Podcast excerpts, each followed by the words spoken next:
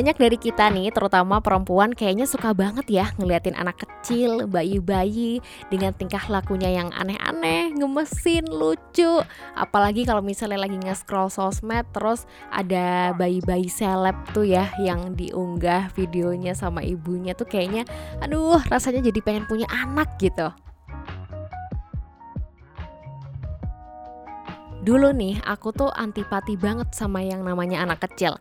Bahkan kalau misalnya ada anak kecil lewat di depanku aja gitu ya, terus teriak-teriak, main-main, ganggu gitu. Aduh, aku tuh rasanya risih banget.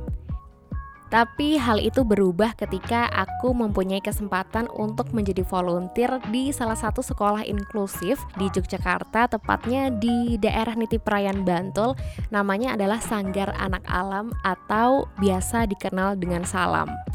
Ini adalah salah satu sekolah inklusif di Yogyakarta yang berbasis riset. Jadi anak-anaknya nih nggak terpaku sama mata pelajaran seperti di sekolah pada umumnya. Tapi anak-anak diberi kebebasan untuk belajar apa yang dia sukai berdasarkan dengan riset yang akan mereka lakukan. Salam ini mempunyai beberapa jenjang sekolah dari kelompok bermain atau yang biasa dikenal dengan playgroup sampai di jenjang SMA. Nah, kebetulan nih teman-teman, waktu aku jadi volunteer di Salam itu, aku diplot untuk mengajar di jenjang kelompok bermain atau playgroup. Aduh, bayangin nggak teman-teman? Berangkat dari aku yang sangat antipati banget sama anak kecil, terus tiba-tiba disuruh menjadi fasilitator di jenjang kelompok bermain atau playgroup yang mana anak-anaknya nih berusia 2 sampai 4 tahun. Wah, awal-awal tuh ya itu rasanya melelahkan banget sampai akhirnya aku jatuh sakit. Ya, namanya juga adaptasi ya.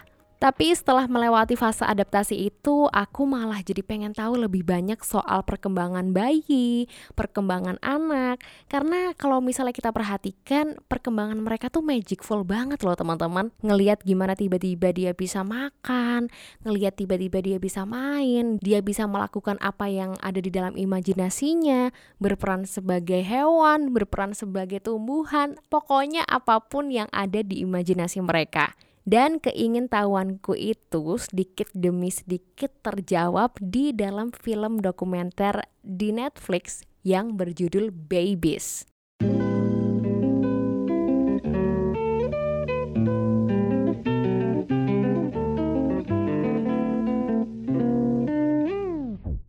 Babies ini termasuk film baru karena baru aja dirilis pada bulan Februari 2020 ini mungkin ya untuk seusiaku kayaknya banyak yang belum tahu film ini atau bahkan sampai nonton.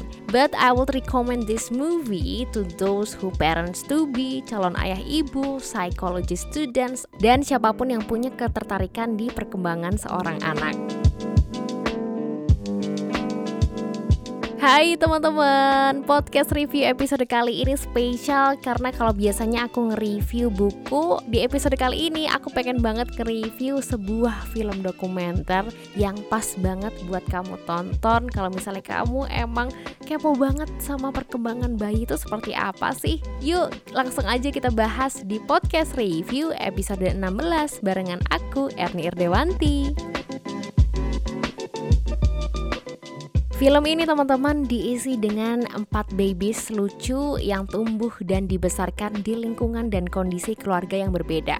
Ada Pony Jauh dari Namibia, ada Bayar dari Mongolia, ada Hattie dari Amerika, dan juga ada Mary dari Jepang. Pony Jauh adalah bayi yang lahir dari suku Himba di Opuwo, Namibia. Berada di lingkungan yang masih cukup primitif, Pony Jauh ini dibesarkan dengan cara yang sangat unik. Berbeda dengan cara yang biasa dilakukan oleh keluarga-keluarga pada umumnya. Si poni hijau ini teman-teman bahkan nggak pernah ketemu dokter, minum susu formula, makan makanan tambahan bayi, dan nggak punya pakaian lengkap layaknya anak-anak pada umumnya. Pony Joe ini juga nggak pernah mainan games atau bahkan puzzle, Lego atau permainan anak-anak lainnya. Tapi ia bermain dengan bayi-bayi sebayanya di alam bebas dan memanfaatkan semua yang ada di sekitarnya sebagai tempat bermainnya. Hasilnya, Pony Joe tetap tumbuh menjadi bayi yang sehat dan ceria.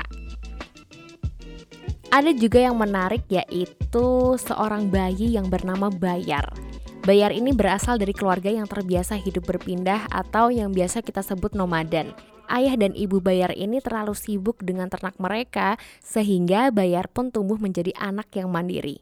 Seringnya sih si Bayar ini bermain dengan kakaknya yaitu Degi atau ia menyusuri sabana luas dan bermain dengan sapi-sapi milik orang tuanya. Hidup nomaden ini pun membuat keluarga Bayar harus hidup efisien bahkan untuk urusan mandi. Di dalam film itu pun terlihat Bayar harus mandi dari air yang dikucurkan dari mulut ibunya atau bahkan berendam di baskom kecil dan berbagi air dengan hewan ternak. Tapi walaupun begitu, Bayar tetap tumbuh menjadi anak yang riang dan pemberani.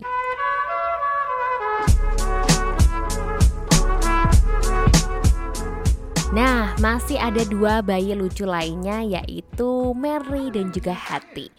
Bisa dibilang Mary dan Hattie ini merupakan dua bayi yang tumbuh di lingkungan perkotaan dengan perawatan yang mapan dan cukup. Saat umur beberapa bulan, Mary dan Hattie ini pun udah ikut beberapa kegiatan yang membantu perkembangan otak mereka. Kayak mereka bisa main-main di taman bermain, terus bisa ke kebun binatang untuk lihat binatang-binatang di alam, dan bersosialisasi dengan bayi lainnya di sebuah perkumpulan. Bisa dibilang, Mary dan Hattie ini adalah bayi-bayi yang beruntung karena mendapatkan seluruh kebutuhannya dengan cukup.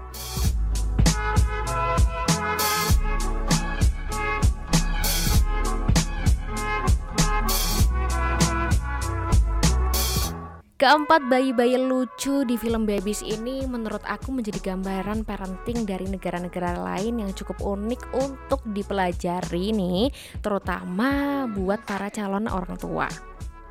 Kalau boleh aku simpulin ya teman-teman, di tengah banyaknya teknik parenting yang ditawarkan di media sosial, film ini seakan-akan berpesan bahwa tiap orang tua pasti punya caranya masing-masing dalam mendidik anaknya.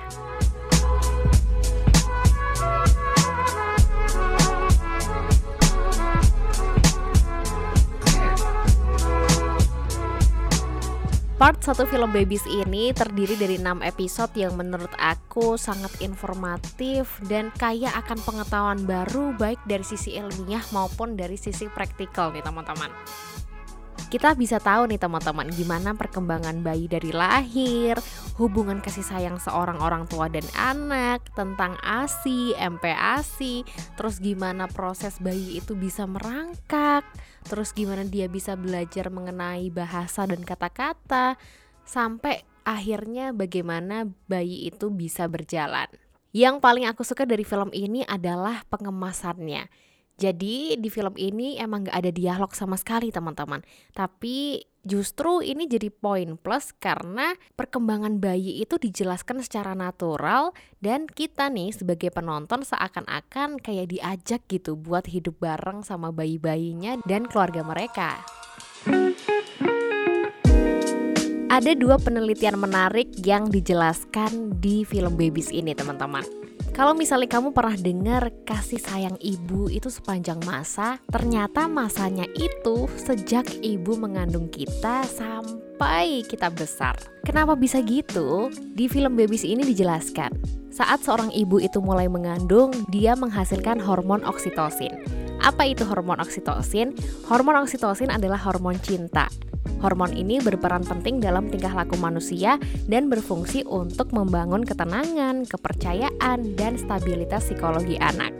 Nah, itu kenapa kasih sayang ibu itu sepanjang masa. Karena sampai kita tumbuh dewasa pun, seorang ibu itu menghasilkan hormon oksitosin atau hormon cinta itu. Terus gimana produksi hormon oksitosin pada ayah padahal ayah kan nggak mengandung, nggak melahirkan, nggak menyusui. Nah, hormon oksitosin pada ayah ini tetap bisa diproduksi atau tetap bisa bekerja ketika sang ayah ini aktif berperan merawat si bayi. Kalau hormon oksitosin pada ayah dan ibu nih sama-sama tinggi, maka akan meningkatkan intimasi kepada bayi dan bayi pun akan merasa lebih disayang oleh orang tuanya.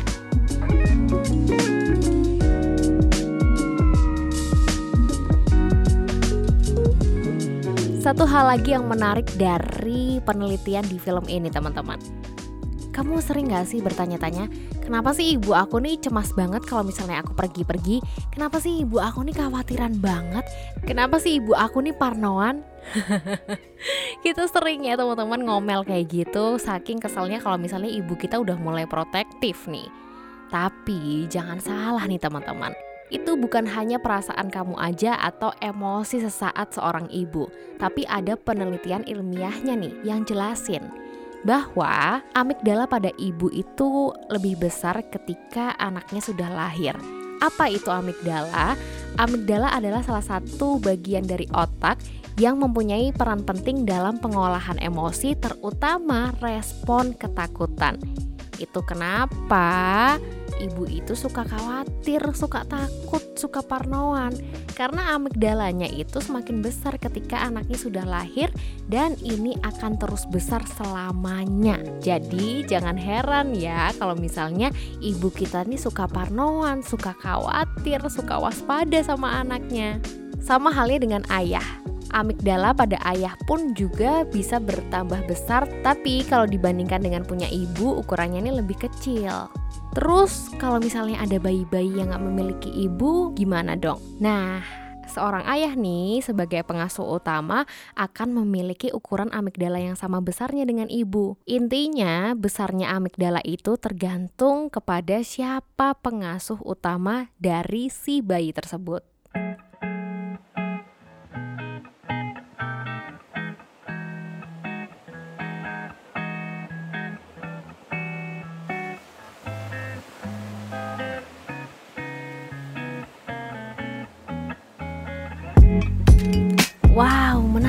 Ya teman-teman?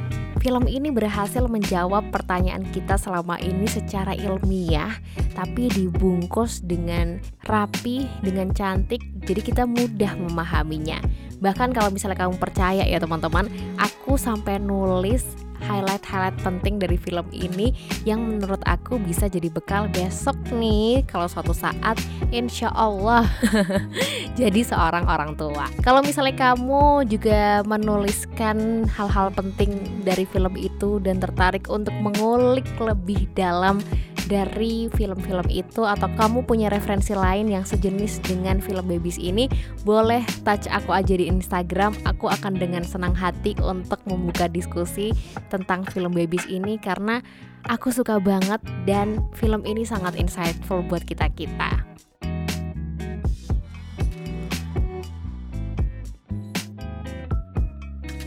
Terima kasih sudah mendengarkan dan selamat menonton.